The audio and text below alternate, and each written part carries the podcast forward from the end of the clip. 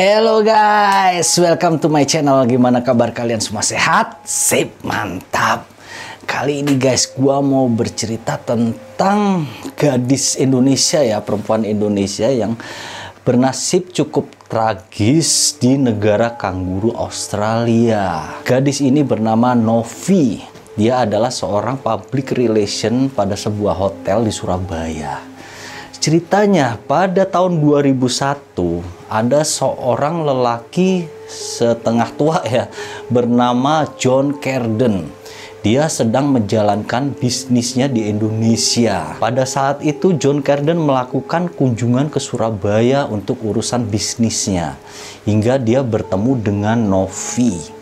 Kemudian pertemuan mereka ini rupanya terjadi dengan apa ya cinta pada pandangan pertama gitu ya. Jadi pada saat si Novi ketemu John ini langsung mereka merasa serak gitu.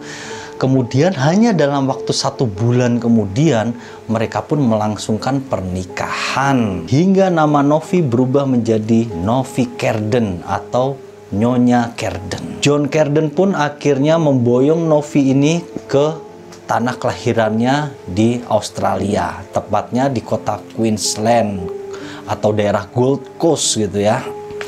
Pada awal kehidupan pernikahan mereka itu sangat indah, sangat harmonis sampai keindahan itu ditambah lagi dengan kehadiran dua buah hati yang pertama bernama Channel, kemudian adiknya lahir dua tahun kemudian bernama Alex. Nah, sejak kelahiran Alex ya, itu tiba-tiba gitu ya, si John ini nggak tahu kenapa sifatnya jadi berubah kasar. Dia jadi suka mukulin si Novi ini. Pokoknya tiba-tiba tidak harmonis aja gitu ya kehidupan pernikahan mereka itu. Puncaknya si Novi ini mencium bahwa si John Carden ini telah melakukan tindakan perselingkuhan. Sampai kemudian dia mendapatkan kabar juga ya bahwa suaminya ini telah melakukan tindakan seksualitas terlarang gitu ya kepada anak-anak yang berumur 16 tahun dan 17 tahun. Jadi memang rupanya si John Carden ini itu telah punya empat istri ya. Dia punya empat istri loh dari sebelum si Novi ini. Jadi Novi ini istrinya yang kelima gitu. Dan si John ini sudah mempunyai dua anak dari pernikahan sebelumnya. Anaknya ini malah seumuran Novi gitu udah pada dewasa anak-anaknya Hingga puncaknya pada tahun 2012, Novi karena tekanannya setiap hari seperti itu ya dari suaminya yang galak ini, akhirnya dia pun menceraikan John Carden. Cuman pada saat itu ini lucu juga sih menurut gue nih. Itu mereka setelah cerai mereka masih tetap tinggal dalam satu atap, tetap tinggal dalam satu rumah gitu loh. Cuman udah jelas tidak ada rasa cinta ya di hati Novi ini mungkin kan karena udah cerai gitu. Pasca perceraian itu Novi ini bertemu dengan seorang pemuda ganteng gitu. Jadi pemuda ini umurnya 30 tahun lebih muda dari Johnny Carden. Novi bener-bener suka, sayang sama cowok ini.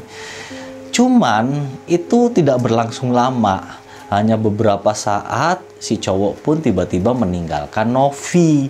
Novi pun akhirnya patah hati. Itu adalah kisah singkat pembukaan ya dari kisah Novi selanjutnya yang cukup tragis gitu tentang pertemuan dia dan Johnny Carden.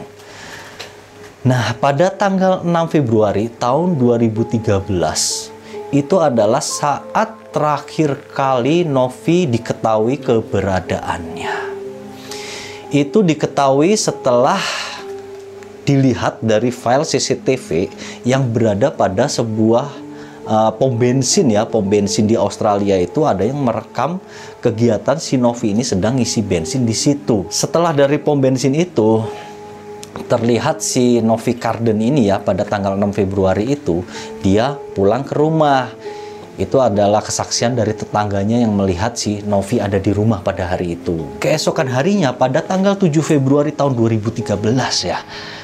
si Novi ini dicari sama temennya ada temennya nyari gitu kemudian temennya itu pun ke rumahnya Novi Novinya nggak ada dicari-cari ternyata dia telah menghilang dari kemarin gitu temennya dapat info bahwa si Novi itu dari kemarin udah nggak ada menurut keterangan dari tetangganya Novi itu Kemudian temennya pun langsung mencari sekitar-sekitar daerah itu dulu ya. Kemudian karena nggak ketemu mereka pun langsung menghubungi ke kantor polisi.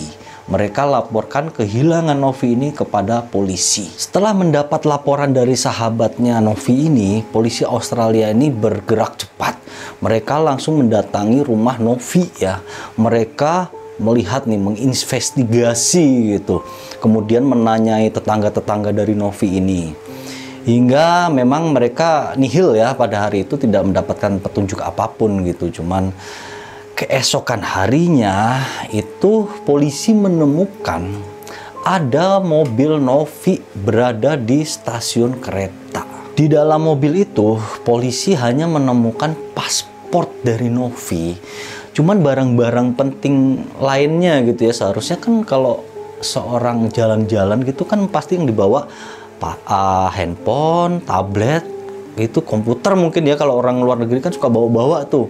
Nah, pada saat itu polisi hanya menemukan paspor di mobil Novi. Sedangkan yang lain handphone segala macam itu hilang. Kemudian setelah penemuan mobil Novi ini ya, polisi terus mencari info tentang kehilangan si Novi ini. Mereka sampai menyelidiki ke akun media sosialnya si Novi nih ya semua diselidiki nih sama polisi. Mereka menemukan postingan-postingan terakhir dari si Novi tepatnya pada Natal 2012 ada salah satu postingan Novi ini yang berbunyi cukup ternyuh ya mungkin dia kayaknya ada terbesit kata-kata dia itu curhat gitu loh ke teman-temannya lewat Facebook jadi kata-katanya adalah bila saya sendiri saya akan ingat dan bila saya ingat saya akan merasa sakit. Apabila saya merasa sakit, saya akan menangis. Dan setelah aku menangis, aku tak akan bisa berhenti. Jadi memang itu jelas menunjukkan penderitaan batin ya cuman secara puitis gitu. Kemudian ada lagi postingannya yang tercatat pada tanggal 3 Februari tahun 2013. Jadi kalau di postingan ini beda nih. Si Novi meluapkan kegembiraannya karena dia mendapatkan ABN ya. Jadi ABN itu semacam surat untuk seseorang itu bisa memulai bisnis di Australia. Jadi kalau menurut gue itu rupanya seperti untuk foreigner ya atau untuk orang luar Australia yang berada di Australia mau menjalankan bisnis gitu. Nah, dia sudah mendapatkan surat pelegalannya seperti itu. Kemudian keesokan harinya ada postingan lagi, cuman postingan ini postingan iseng. Dia nulis, "Maaf, iPhone saya rusak."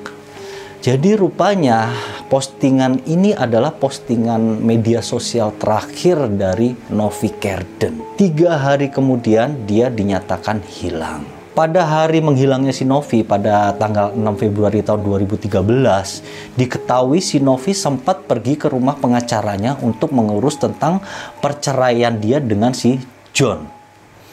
Dia juga sempat mengajak putrinya untuk apa mengajak menulis apa ya kata-kata gitu ya untuk dituliskan di surat perceraian tersebut. Kemudian pada hari itu malam hari Novi ini nganterin pulang anaknya nih ke rumah. Nah, sedangkan si Novi ini terus cabut lagi.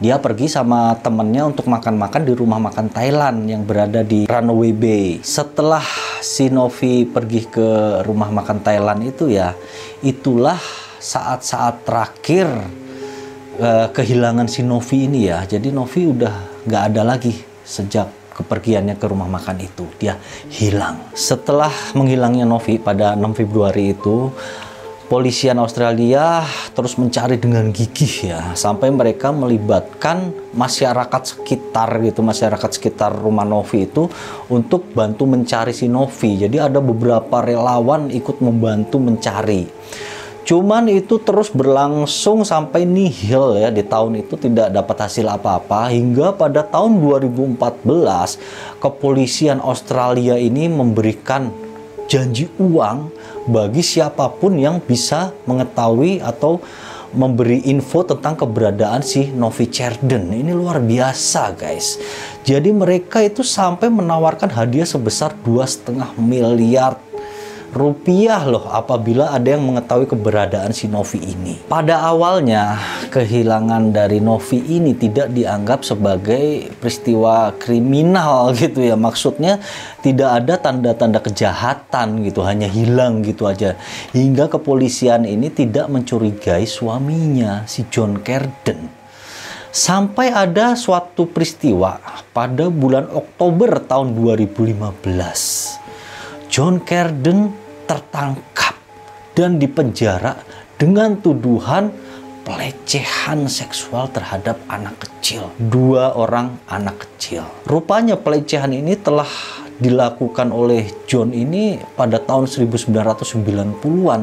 Jadi udah lama banget gitu ya. Jadi kalau dari sini aja gue menarik kesimpulan si John ini rada sekmaniak gitu ya. Lo bayangin aja istri lima kawin cerai kawin cerai istri lima. Udah gitu anak-anak juga dikerjain semua sama dia gitu. Jadi ini memang orang gak bener gitu. Hingga berdasarkan catatan kriminal itu mulailah polisi mencurigai John Carden apakah John Carden ini ada hubungannya dengan menghilangnya istrinya atau mantan istrinya ya? Karena dari kelakuannya memang orang yang tidak baik gitu. Pada saat sidang tentang pelecehan anak kecil ini ya John Carden ini difonis dengan hukuman 6 tahun penjara Cuman pada saat itu dia melakukan banding dan karena pengacaranya ini pengacara yang handal gitu, akhirnya hukumannya dikurangin sampai tiga tahun saja. Setelah bebas ini si John Carden ini, dia baru aja ngirup udara segar satu tahun ya. Tepatnya pada tanggal 15 Agustus tahun 2019, John Carden kembali dipanggil oleh pengadilan untuk melaksanakan sidang tentang kasus kehilangan istrinya ini. Dalam sidang ini, John Carden dinyatakan sebagai terdakwa karena kepolisian itu menyimpulkan mereka sudah mengambil mulai mengambil kesimpulan ya bahwa Novi ini bukan sekedar hilang tapi Novi ini telah hilang karena ada yang membunuh. Berbagai bukti, berbagai dugaan, berbagai saksi ya, itu selama ini dikumpulkan oleh kepolisian Australia dan ujung-ujungnya mengerucut kecurigaan itu ke arah John Carden. Pada persidangan selanjutnya, tepatnya pada tanggal 16 Agustus tahun 2019, persidangan menghadirkan seorang saksi bernama Fredika Wong jadi Fredika Wong ini merupakan sahabat karib dari si Novi. Dia bersaksi bahwa pada tanggal 7 Februari tahun 2013, yaitu satu hari setelah menghilangnya Novi ya, dia mengunjungi rumah Novi karena mereka janjian untuk minum bersama, minum kopi gitu kan. Nah, pada saat sampai di rumah Novi, dia disambut oleh si John Carden. Novinya nggak ada. Begitu dia datang, dia disuruh masuk nih sama John Carden. Eh, silahkan masuk. Kemudian John Carden pun bilang, si Novi udah nggak ada, si Novi udah pergi, katanya dengan muka ketus gitu ya. Dia bilang mereka sudah tidak menginginkan ibunya lagi. Novi udah pergi. Kemudian setelah ngomong itu ya John Carden ini bilang, tuh lihat kamar gue ditinggalin sama si Novi kotor ayo coba lihat gerak kamu ke kamar atas. Si Fredika ini diajak si John ke kamar atas. Mereka naik kamar atas begitu sampai kamar itu ada karpet ya yang di bawah itu basah gitu, rada basah karena deterjen gitu. Rupanya habis dibersihkan atau gimana gitu kan. Jadi masih ada sisa-sisa sabun di situ. Setelah itu si John Carden ini ngajak si Fredika ini untuk berhubungan badan. Jadi si John Carden ini wah parah nih orang. Cuman setelah itu Fredika menolak ya. Dia nggak mau gitu. Kemudian dia bilang ah aku pergi aja aku pergi aja nah si John Carden ini merayu lagi dia bilang eh kamu mau nggak nih tas-tasnya Novi ini banyak nih pada saat itu si Fredika mengaku bahwa dia menolak pemberian dari John Carden karena dia bilang aku nggak mau karena itu kan tas-tasnya si Novi. Pada persidangan itu mendengar pengakuan dari Fredika ini ya si John Carden ini menyangkal, menyangkal semua kesaksian dari Fredika Wong. Hingga akhirnya persidangan pun dilanjutkan pada tanggal 19 Agustus. Itu merupakan persidangan yang ketiga. Pada persidangan tanggal 19 itu, persidangan menghadirkan tetangga dari Novi dan John Carden yang bernama Glenn Liscombe. Jadi ceritanya Glenn Liscombe pada saat kejadian menghilangnya Novi ya tanggal 6 itu, dia mendapatkan pesan dari si Novi sebelum pergi meninggalkan rumah. Dia bilang kepada si Glenn ini, apabila aku tidak kembali lagi, kamu tolong lapor ke polisi. Kemudian Glenn Liscombe pun menambahkan bahwa pada hari itu memang terjadi kegiatan-kegiatan tak lazim di rumah si Novi. Kegiatan itu adalah terlihat bahwa si John Carden ini itu meninggalkan rumah secara terburu-buru dengan kedua anak gadisnya. Ditambah lagi si John Carden ini terlihat mendorong-dorong kotak besi baja ya, cuman diisinya itu diisi kotak itu ada alat-alat pel gitu loh. Kemudian di persidangan itu persidangan menghadirkan saksi selanjutnya. Dia bernama Marshall Aguilor. Jadi dia ini adalah seorang warga negara Filipina. Makanya sampai di persidangan itu mereka menghadirkan penerjemah ya untuk menerjemahkan bahasa si Marshall ini. Marshall adalah seorang laki-laki yang ditemui oleh John jadi mereka berkenalan itu di Filipina pada tahun 2011 melalui sebuah situs kencan.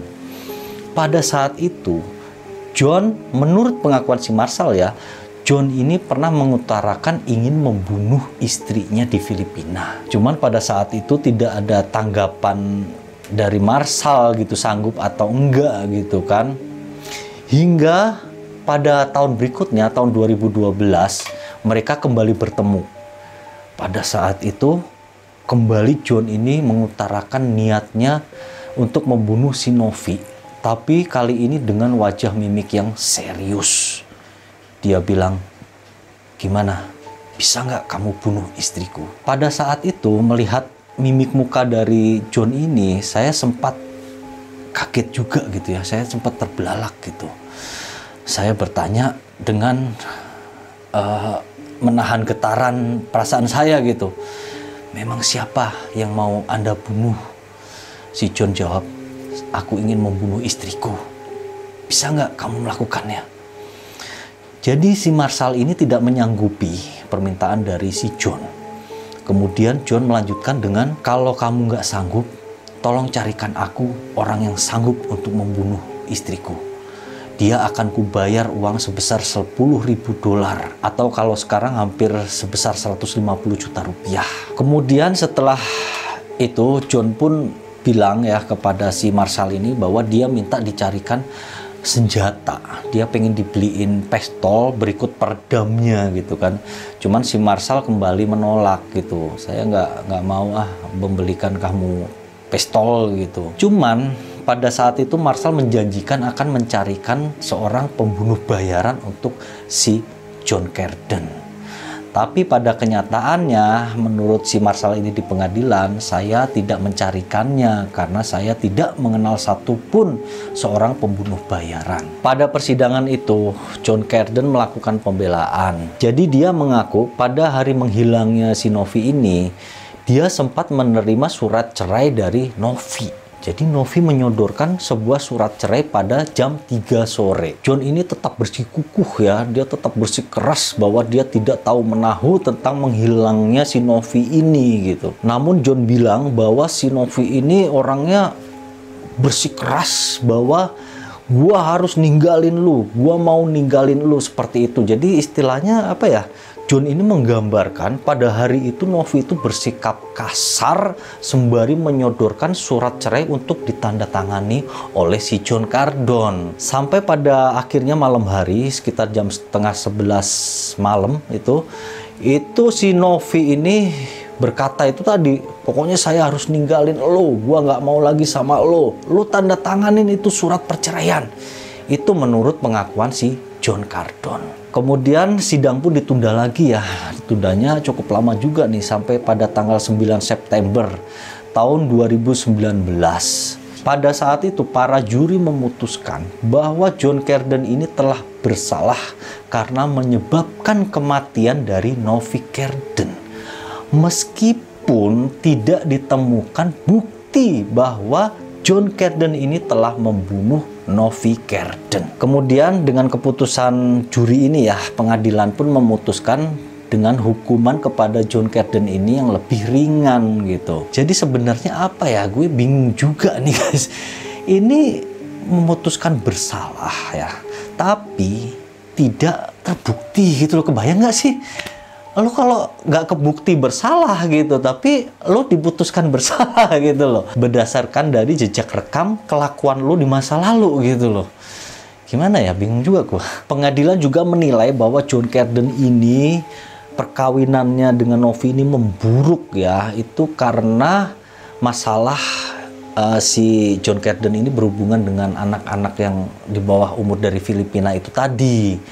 Kemudian ada juga dia menyuruh anak-anaknya ini untuk menghilangkan barang bukti menghilangkan yang dianggap pengadilan barang bukti gitu ya.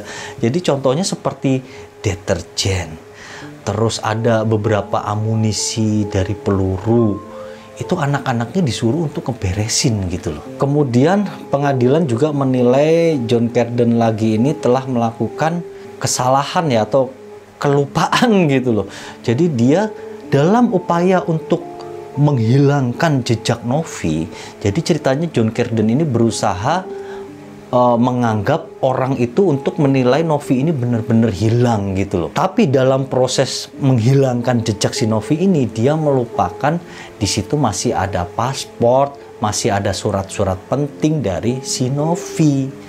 Kan kalau misalnya orang mau menghilang, mau pergi jauh, itu nomor satu yang dibawa adalah dokumen penting berupa KTP ya atau paspor. Tapi itu ketinggalan di dalam mobil mobil yang waktu itu ditemukan polisi. Jadi nggak mungkin bahwa Novi ini pergi tapi melupakan paspor dan KTP dia. Hingga akhirnya dengan berdasarkan bukti, berdasarkan dugaan dan berdasarkan kesaksian yang memberatkan John Carden ini, pengadilan pun menjatuhkan vonis. Vonisnya itu vonis galau guys itu. Jadi si John Carden ini ya, dia tidak didakwa telah membunuh orang itu tidak. Tapi dia didakwa telah menyebabkan meninggalnya orang lain. Paham nggak? Kalau gue nggak paham. Jadi hukuman itu lebih ringan daripada hukuman orang yang membunuh orang lain dengan sengaja. Tapi ini menyebabkan orang lain meninggal gitu. Ya pokoknya gitu deh ya. Kalian komen deh nanti buat ngejelasin ini gue bingung sumpah. Jadi kalau dalam istilahnya di Australia hukuman dia ini namanya manslaughter gitu ya. Atau kalau di Indonesia mungkin membantai manusia gitu kan. Hingga berdasarkan dakwaan ini kemudian John Carden pun dijatuhi hukuman selama 15 tahun penjara. Kemudian paskah keputusan itu si John pun sempat mendekam di penjara ya. Tapi kemudian tidak lama, beberapa bulan kemudian dia mengajukan banding. Dan banding ini pun ditanggapi oleh pengadilan Australia untuk melakukan sidang lanjutan. Dan sampai saat ini si John Carden ini belum beres sidangnya gitu. Memang kalau pembunuh yang benar-benar terbukti telah menghilangkan nyawa orang, benar-benar terbukti membunuh itu biasanya pihak pengadilan itu menolak banding. Itu ada ya mereka menolak banding menolak banding. Sampai si terpidana ini naik banding kan ke mahkamah segala macem gitu. Itu ditolak. Tapi dalam kasus John Carden ini kan memang beda ya. Jadi dia dianggap telah menyebabkan orang meninggal gitu tapi tanpa bukti tanpa ada mayat orangnya gitu loh jadi nggak jelas banget makanya pengadilan pun akhirnya melayani banding dari si John Carden memang sampai sekarang belum beres-beres tuh sidang masih berlanjut ya jadi keputusan finalnya apa itu saya belum bisa menjelaskan kepada kalian Mungkin demikian dulu kisah yang cukup berbelit dari Novi Kerden dan John Kerden ini. Semoga dapat mengisi hari kalian saja. Terima kasih atas perhatiannya.